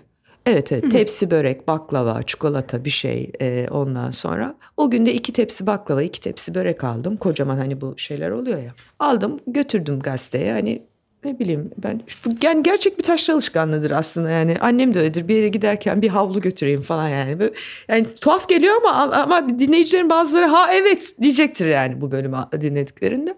Ee, gene gittim böyle gayet şey falan. Genel yayın yönetmenin odasına gittim. Metin abi işte baklava getirdim hadi buyurun falan. Bir şey söyleyeceğim dedi. Bir konuşalım dedi. Biz dedi seni dedi attık dedi. Hı. anlamadım dedim. Ya dedi işte böyle oldu dedi falan Nasıl yani dedim. Ya dün gece dedi patron aradı dedi. E, onu da dedi birileri aramış dedi. Çok sinirlenmiş dedi. İşte sen dedi tarafsız bölgeye gene konuk olarak gittiğin için dedi. Sen dedi attık dedi. Tamam oldu o zaman dedim ben. Bindim arabaya eve geri döndüm. Baklavalar kaldı. Kaldı. Anladım. Afiyet olsun sözcü gazetedekilere. 2017 yılında Bazen Olmaz isimli kitabınız çıkıyor. Bu kitap için Cem Yılmaz, Ali Sabancı, Arda Turan, Cem Boyner, Abdülkadir Konukoğlu, Hanzade Doğan Boyner, Hüsnü Özyeğin, Muhtar Kent, Mustafa Denizli ve Zeynep Bodur Okyay'la başarısızlık hikayeleri üzerine söyleşiler gerçekleştiriyorsunuz. Bugün baktığınızda bu kitapla alakalı peki başarısızlık olarak gördüğünüz bir şey var mı? Senin başarısızlık olarak gördüğümü düşündüğün bu soruyu sorarken aklından geçirdiğin şeyi ben aslında başarı olarak görüyorum. Örneğin Arda Turan'la konuşmuş olmayı, Abdülkadir Konukoğlu'yla konuşmuş olmayı. Neden dersen hani gerçek bir başarısızlık arıyorsak Arda Turan'ın hikayesi gerçekten kusursuz bir hikayedir hı hı. burada. O onu anlatmadı, o boyutunu anlatmadı ama e, hepimiz yaşayarak zaten gördük. Kitabın hikayesi de şöyle Adnan Dalgakıran, kronik kitabın kurucusu bir gün beni aradı. Tanışmıyoruz. Dedi ki siz enteresan bir karaktersiniz dedi. Benim aklımda bir kitap fikri var bunu yapar mısınız dedi. Neymiş o dedim. İşte dedi başarısızlığın kitabını e, yazmak istiyoruz dedim beni seçmeniz e, çok e, anlamlı. Zaten ben yazdım o kitabı kendi hayatımda. Sizin için de bir tane yazarım sıkıntı yok. Ve hikaye böyle başladı. İsimler bir ortak akılla gündeme geldi. Ben Arda Turan'ı ve diğer isimlerin birçoğunu ilk defa bu röportajlar sırasında tanıdım. Tabii ki Cem Bey'i, Cem Yılmaz'ı falan onları öncesinde tanıyordum Hüsnü Bey'i ama Konukoğlu olsun, Arda Turan olsun, Zeynep Hanım olsun ilk defa tanıdım. Ben kitabın başarılı olduğunu düşünüyorum. Hikaye hikayelerin bir bölümü bence yarımdır. Kim ne kadar anlatmak istediyse o kadar anlattı. Bazıları çalıyı dolandı. Ama fikir olarak çok değerli buluyorum yani çünkü herkes başarı konuşuyor ya böyle acayip bir şey oluyor ya memleket hep kazanmak üzerine kuruldu. E, o zamanlarda da şunu düşünüyordum çünkü hep şey deniyordu. Tayyip Erdoğan siyasi deha nereden biliyoruz mesela siyasi deha olduğunu tek gösterge var seçim kazanıyor. Seçim kazanıyor olmak gerçekten başarılı olmayı mı getiriyor? Yani bu başarı mıdır? Yani seçimi hı hı. kazanmak bir başarı mıdır? Yani, Başarı kıstası ne? Yani ben bunu sürekli olarak düşünüyordum ve 20 senenin sonunda ne kadar büyük bir enkazla baş başa olduğumuzu görüyoruz. Demek ki seçim kazanmak dediğimiz şey başarmakla uzaktan yakından ilişkili bir şey değilmiş. O başka bir şeymiş. Siyasi deha ile falan da alakası yokmuş. Tam bunu düşündüğüm bir dönemde böyle bir kitap fikri bana iyi geldi. O zaman bunu tartışalım. Hı hı. Kazanmak ne? başarmak ne? Hangisi daha değerli? Ben aslında bazen olur yazmak istiyorum şimdi. ah süper. Ee, yani bazen olmaz bazen de olur yazmak istiyorum. O da şu aslında medya ekosistemine, ekranlara, gazete sayfalarına, internet sitelerine bir türlü gelemeyen sıradan insanların e, muazzam kahramanlıklarını yazmak istiyorum. Hı hı. Çünkü ben aslında bazen olmazı bunun için yazdım. Yani siz hiç farkında değilsiniz belki radarınıza girmiyor ama bu memlekette başına korkunç şeyler gelip ayakta kalabilmiş ve anlamlı bir fark yaratabilmiş, çevresini de dönüştürebilmiş muazzam insanlar var. Bu kitabı yazmak için bazen olmazı yazdım. Ee, şimdilerde gerçekten de bunu yapmak istiyorum. Çünkü ekranda rol model diye saçma sapan tipleri pompalayıp duruyorlar. Ama bu memleketin her şeye rağmen e, onuruyla çalışan, bir fark yaratmaya uğraşan e, bir sürü demokrat insanı var. Onların hikayelerini hiçbir yerde okuyamıyoruz mesela. 2020'nin Mart ayında YouTube yayınlarınıza başlıyorsunuz. Sizin için itici güç, motivasyon ne oldu? İşsiz olmak. İşte işsiz kalmıştım sözcüden. Ee, bir kıdem tazminatı verdiler sağ olsunlar. O kıdem tazminatıyla ne yapacağımı bilemiyordum. Nasıl diyeyim? Kırıcı bir şeydi benim için ve hani böyle bir dokunmak istemedim falan hatta geri mi versem falan diye düşündüğüm e, günler var. Dedim ki ya dur ben bu küçük bir paraydı zaten çok küçük bir para. Bununla gideyim kendime bir kamera alayım. Ondan sonra bakalım o zamanlar Cüneyt başlamıştı falan. Bakalım ben de becerebiliyor muyum? Böyle bir şey çalışır mı acaba? Rezil olma korkumu aşıp e, milletin benimle dalga geçme şeyini kaygımı aşıp dedim ki şu işe bir gireyim bakalım başarırsam başarırım başaramazsam en azından denerim derim denedim derim.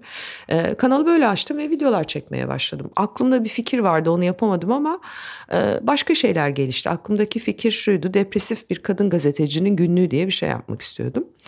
Aşağı yukarı öyle bir şey oldu zaten adı öyle olmasa da. Peki onu da aslında soracaktım. Yani bazı dönemlerde o işsizlik e, hep böyle bir e, sanki depresyonda olduğunuz bir dönem varmış sonra bir çıkışınız oluyormuş gibi. Böyle bir şey söz konusu mu? Tabii yani tabii aynen öyle oluyor. Durumları... Tabii tabii, tabii oluyor oluyor. Yani iniyorum çıkıyorum ben de. E, Halk TV 2020'nin başında iş insanı Cafer Mahiroğlu tarafından satın alınıyor. İlk olarak genel yayın yönetmenliğine Serhan Asker'in yerine Sedat Bozkurt getiriliyor. Ancak Bozkurt sağlık sorunları nedeniyle Ocak ayı sonunda görevi bırakıyor. Genel yayın yönetmeni koltuğunun boş olduğu dönemde siz Halk TV ile anlaşıyorsunuz. Sizin Halk TV ekranlarında olacağınızın durulmasından hemen sonra da Suat Toktaş genel yayın yönetmeni oluyor. Siz kimin teklifiyle nasıl hangi şartlarda Halk TV'de program yapmaya başladınız? Halk TV süreci nasıl başladı? Bizzat Cafer Mahiroğlu'nun teklifiyle e, başladı.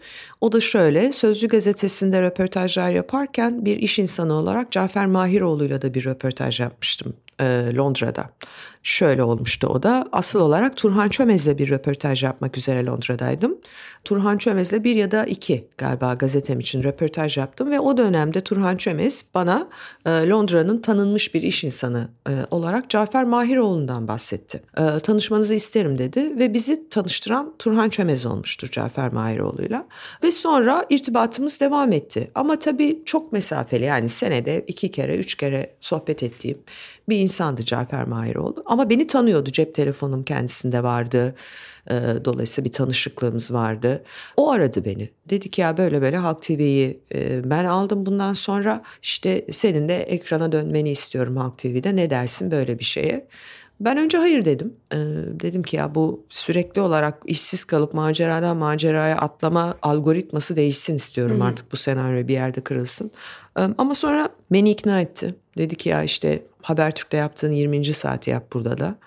Ve böylece Halk TV maceram başladı. Anladım. Peki e, YouTube kanalınızın olduğunu e, söylemiş miydiniz? Biliyor Görüyorlardı muydu? zaten. Hı. Elimde kamera video çekiyordum çünkü Halk TV'de de. Yani e, kendileri de görüyorlardı yani farkındaydılar. Çin treni ve Gülnaz Şırınga olayı gibi doğrulamadan yayında haberini verdiğiniz doğru olmayan bilgiler nedeniyle eleştiri yağmuruna tutuluyorsunuz. Linç Yalan diyelim haber... istersen. Hı? Linç diyelim istersen. Linç hatta tehditler. E, yalan haber, hakikat sonrası yanlış bilgi gibi kavramları tartıştığımız bu dönemde bir haberci olarak ne gibi sorumluluklar hissediyorsunuz? Çok üzüldüm. E, Çin treniyle ilgili en ufak bir e, nedamet ve pişmanlık duygum yok. Çünkü tam olarak aktardığım şekliyle yaşandı olay. Haberi sadece ben yapmadım. Deniz Zeyrek köşesinde birkaç kere yaptı. Birleşik Taşımacılık Sendikası'nın bu konuyla ilgili bilgileri paylaşan e, isimleri defalarca hala bugün de oradan oraya sürüldüler. Engellenmeye çalıştılar bu hakikatleri anlattıkları için. Deniz köşesinde köşesinde o trenin gümrük işlemlerinin nasıl tamamlanamadığını, çakma bir dekor trenin o gün Halkalı'dan e, sadece Cumhurbaşkanı'na göstermelik olarak bir tören treni olarak hazırlandığını, arkasından AK Parti milletvekili e, bir kadın milletvekilinin eşinin şirketi olan bu gümrük işlemlerini e, apar topar tamamlayıp iki gün sonra gerçek Çin treninin yola çıktığını bütün haber kanalları verdiler zaten. Halk TV'de verdi, biz de verdik, Fox TV'de verdi. Ben kendi YouTube kanalımda e, bunu anlatıyorum ve toplam 12 saniyelik bir bölüm bu kendi kanalımda hı hı. yaptığım 12 saniyelik bir bilgi. Ve günün sonunda zaten e, bütün bu olanlardan dolayı Taşımacılık Genel Müdürünü Cumhurbaşkanı bir gece yarısı kararnamesiyle kendisi hı hı. görevden aldı. Arkasından da e, TCDD'nin bütün yönetimi değişti hatırlarsan. FETÖ'cü olduğu anlaşılan o yönetimin yerine Adnan Oktarcı bir genel müdür geldi hatırlarsan. O Adnan Oktarcı genel müdürün de akıbeti iki hafta içinde gene görevden alınmak oldu. Yani TCDD her zaman tartışmalı bir kurum olmaya devam ediyor. Dolayısıyla onunla ilgili en ufak bir e, şeyim yok yani e, o çünkü baştan sona doğru bir haberdi sadece de ben vermemiştim ama linci ben yemiştim. Onun da bir sebebi var tabii. Onun sebebi CNN Türk ekranlarında çıktığım yayınlarda açıkça e, yaptığım yorumlar. Hı hı. Bir medya grubunu ciddi şekilde rahatsız ettiği için bu yorumlar. Bana tazminat davası açmayı düşündüler. Açamadılar, bulamadılar bir şey. Onun yerine sosyal medya linçi yapmaya başladılar. İkincisi ise benim hatam. Onu o zaman da kabul ettim e, ve bir özür metni yayınladım. Evet. Evet o benim hatam. Asla olmaması gereken bir şeydi. E, medya kariyerimde hiç tekzip yemedim. Hakkımda dava açılmadı. Gerçi bu ikincisi kötü bir gazeteci olduğumu gösteriyor galiba bugünün Türkiye'sinde. E, bu konularda çok dikkatli biriyimdir. O gün gerçekten de tam yayından önce her gün okuduğum dijital gazete Gazete Pencere'yi okuduğumda hani Bülent'in köşesinde olduğunu bile fark etmeden hı hı. açıkçası o kadar akla yakın geldi ki bana. Hani hemşirenin adına falan da takılmadım. Dedim ki ya olur. Çünkü bu ülkede insanlar gerçekten de saçma sapan nedenlerle darp edildiler, dövüldüler, kıstırıldılar. Yani distopik bir Türkiye'de yaşıyoruz. Ve zaten soruyu da şöyle soruyorum Kerim Rota'ya. Ya ben az önce böyle bir haber okudum. Bu doğru olabilir mi? Siz böyle bir şey duydunuz mu diye soruyorum. Hı hı. Yayından çıktıktan sonra meseleyi anlıyorum. Derhal anlıyorum bana gelen bir iki mesajdan. Hemen kanalı arıyorum diyorum ki aman YouTube'dan lütfen o bölümü kesin. Bu programın o bölümünü yüklemeyin çünkü ben büyük bir hata yaptım. Ee, bunun yayılmasının önüne geçelim. Fakat ben e, bunu yaptığım e, bir saat içinde kanal bunu düzelttiği halde birdenbire bir bakıyorum bu video viral olmuş. Çünkü birisi 7-24 oturuyor Halk TV'nin YouTube kanalının başına Özlem Gürses'i, Şirin Payzın'ı, Ayşenur Aslan'ı izliyor. Yani bugün o kayıt bizim televizyonumuzun YouTube kanalında yok mesela. Çünkü ben hemen düzelttirdim. Ee, kendim de bir özür yayınladım. Ama o video bir yerlerde var. Çünkü almışlar kullanmışlar. Gerçekten çok üzüldüm. Peki bu gibi olaylar oldukça yani e, çok fazla tehdit alıyorsunuz, tecavüz tehdidi alıyorsunuz. Güvenliğinizden endişe ettiğiniz zamanlar oldu mu? Bir noktaya gelinceye kadar olmadı. Çünkü hep şöyle düşündüm ya bunlar bir örgüt, bir troll e, yapılanması daha doğrusu. Dünyada da var benzerleri ne yazık ki Türkiye'de de var. E, sahte hesaplar ve çok da ciddiye almamak lazım. İki şey olunca e, endişe ettim. Bunlardan biri ailemin bir kolunu şirket sahibi inşaat işinde çalışan bir kolunu arayıp sizin yeğeniniz böyle böyle haberiniz var mı? Siz de işte ayağınızı denk alın filan telefonları gelince hı hı. aile büyüklerime bir kere burada dehşete düştüm. Yani nereden buldular, nasıl buldular, kim bu insanlar? İkincisi de e, ben hiç evlilik soyadımı kullanmadım. Hep Özlem Gürses olarak devam ettim. Dolayısıyla oğlumun soyadı benden farklı. Hı hı.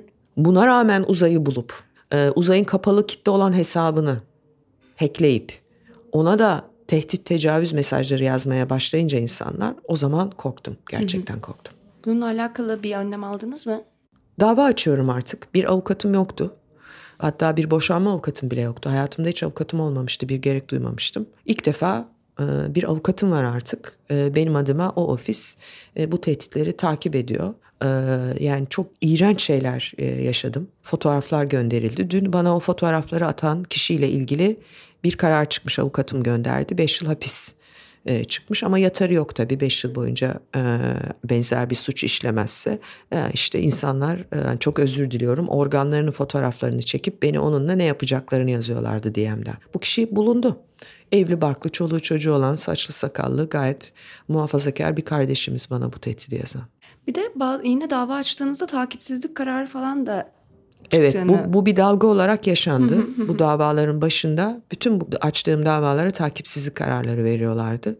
Sonra bir gün artık mecbur kaldım yani takipsizlik kararı verdikleri bir dosyanın ne olduğunu gene kendi YouTube kanalımda anlattım.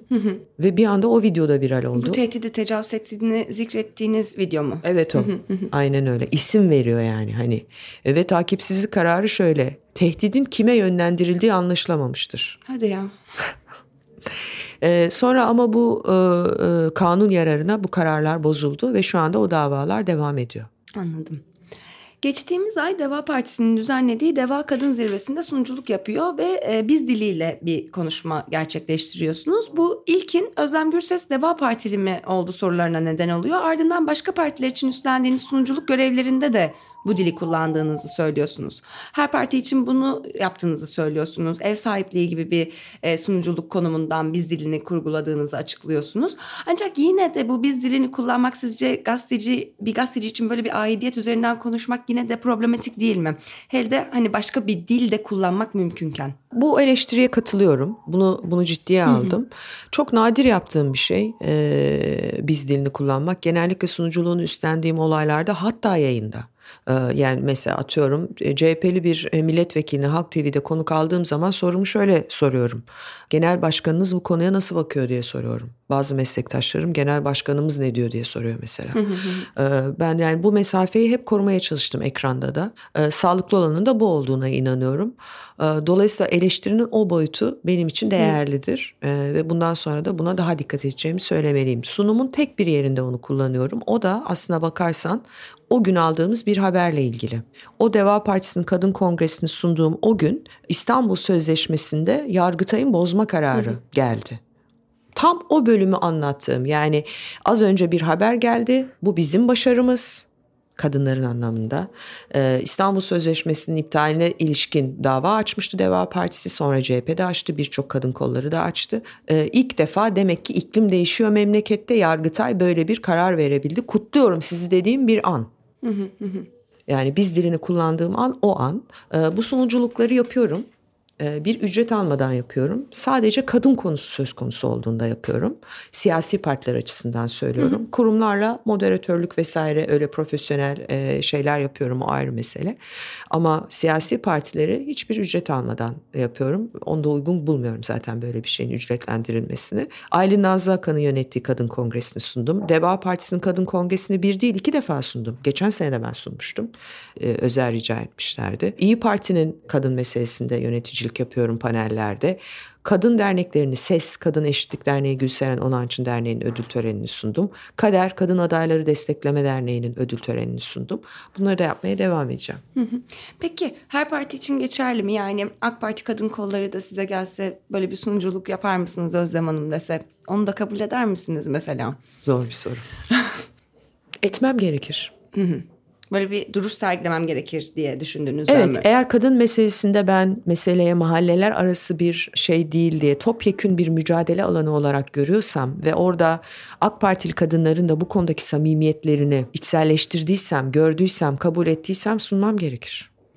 Çünkü evet. bu ilkesel bir şey olmalı. yani ama zor bir karar söylemeliyim yani. Peki mesela bu sunumda İstanbul Sözleşmesi ele alınıyor diyelim. Yani sözleşmenin karşısında durabilecek misiniz? Sözleşmeden çekilmekle alakalı orada Hayır yani onu çok yapamam. Senaryo yazdım yo, onu yapamam mesela. işte onu yapamam. Sunacaksam Özlem Gürses olarak sunacağım demektir. Yani eğer onlar benim oradaki o varlığımı, o fikirlerimi, kadın meselesine bakışımı kabul ederek beni oraya çağırıyorlarsa hiç tereddüt etmem sunarım.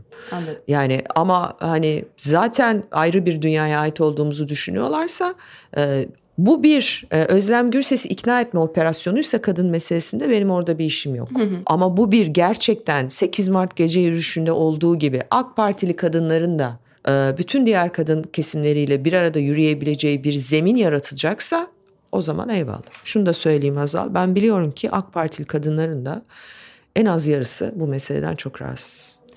Geçtiğimiz ay Emin Çapa'nın ve sizin Halk TV'deki işlerinize son veriliyor. Aslında açıklamanızı yaptığınız konuyla alakalı konuşuldu çokça da ama hani dinleyiciler için birazcık daha hani bütünlüklü takip edilebilsin diye bu süreci kısaca özetlemenizi isteyebilir miyim sizden? Şöyle kurum e, Cafer Bey bir ilke kararı aldığını ifade etti. Bundan yaklaşık bir, bir buçuk ay önce bize dedi ki YouTube kanallarınızı kapatmanız gerekiyor Halk TV'de çalışmaya devam edebilmek için. Ben de dedim ki neden? İşte çünkü sizin oradaki izlenmeleriniz bizim reytingimizi ve izlenmemizi düşürüyor.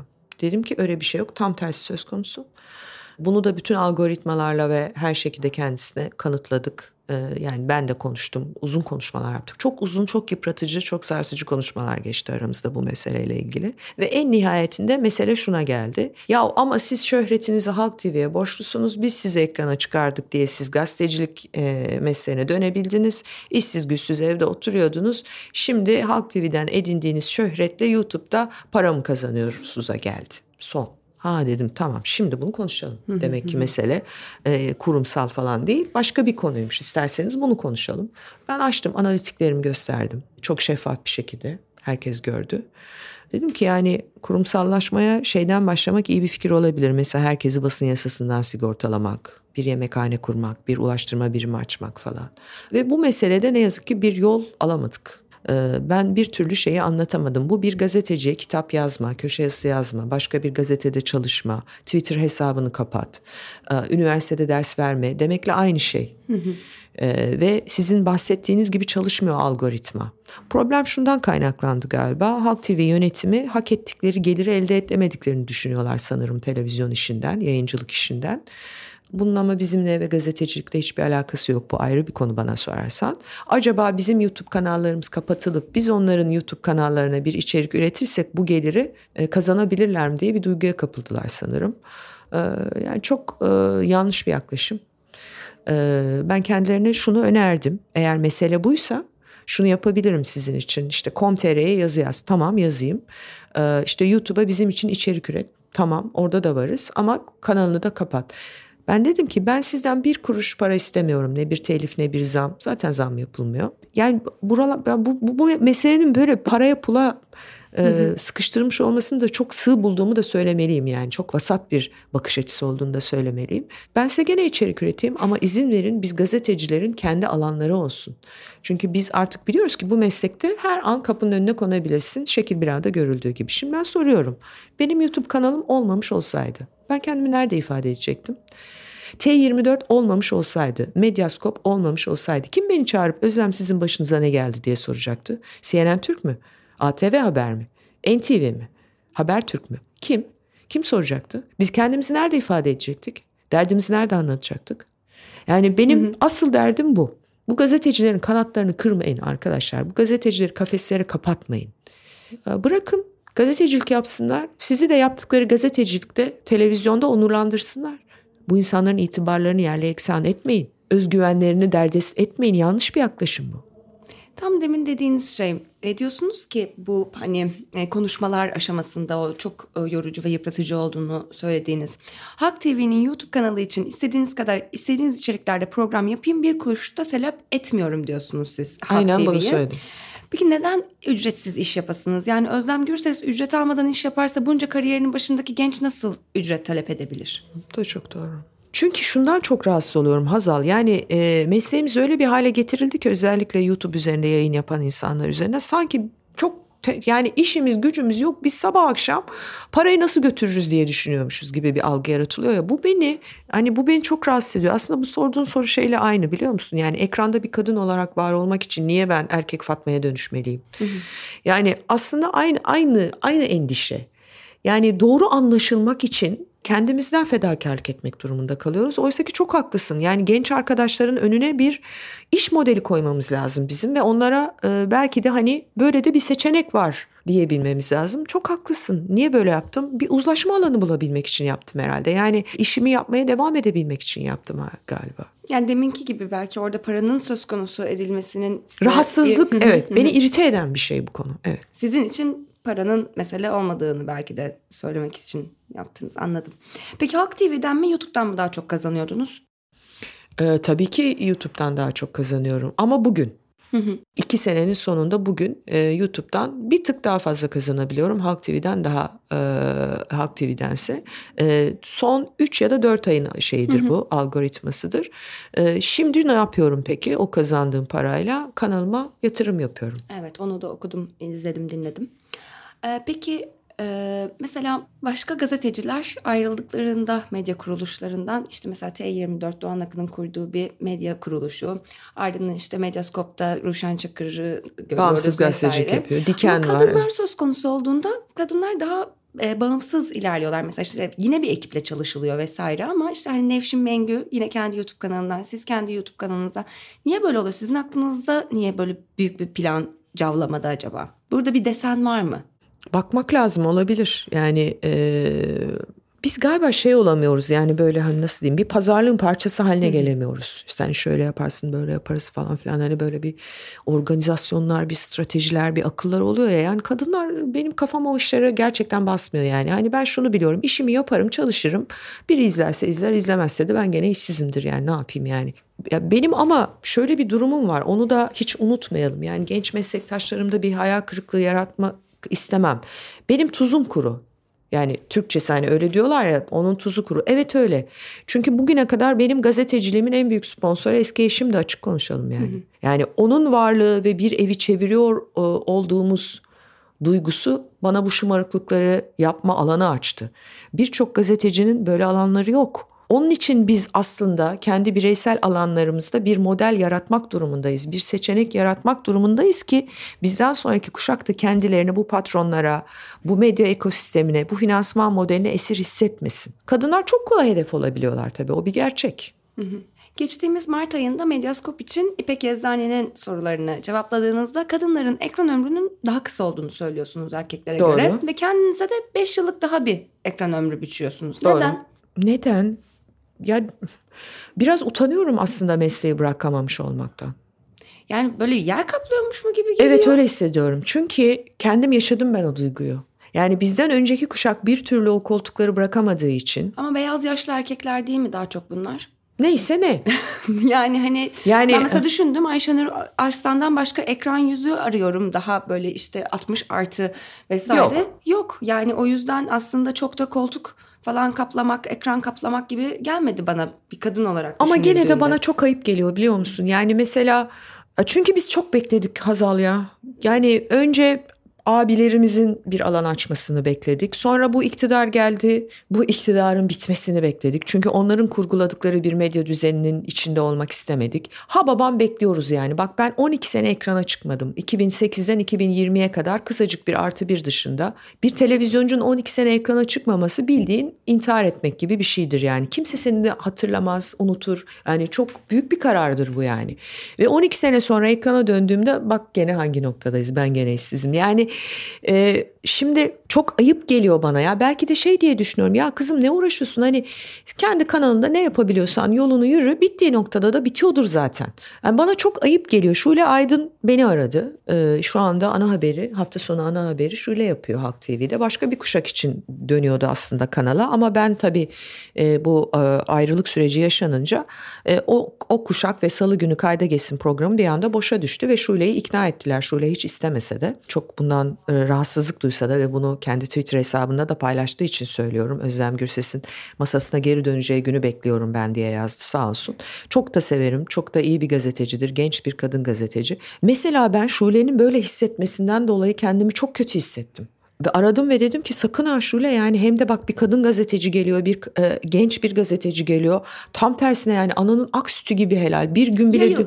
Aynen de öyle dedim yayıl dedim yani. Yani şimdi bu bunu Böyle hissediyorum galiba kendimle de ilgili. Ya bu bırakamamak hali nedir ya? Nasıl bir hastalıktır siyasetçide, gazetecide?